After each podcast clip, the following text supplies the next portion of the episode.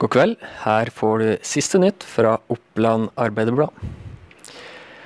Øystein Pølsa Pettersen har takka ja til å gå for Vetle Tyrlis langløpslag Team Kaffebryggeriet kommende sesong. Det betyr mye for oss, sier 30-åringen fra Raufoss til OA.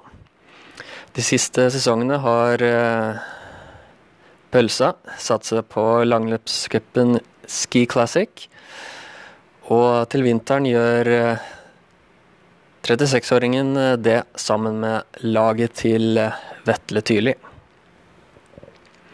17-åringen Petter Singstad Skurdal skulle egentlig bare spille en helt vanlig soldat. Men da sjølveste presten i stykket ble skadet, rykket den unge raufossingen plutselig solid opp i gradene. Elden er et uh, norsk historisk uh, musikkspill skrevet av Arnfil, Arnfinn Strømvold og Bertil Reithaug, som i fjor trakk hele 12 000 publikummere til Raufoss. Valgkampen begynner å ta seg opp, og det er under to måneder til årets kommunevalg i september. I den forbindelse tok OA en prat med noen av lokalpolitikerne for å høre deres taktikk fram mot valg, valget.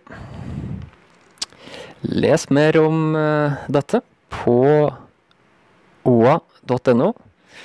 Der finner du også flere nyheter gjennom kvelden og morgenskvisten. Vi talas.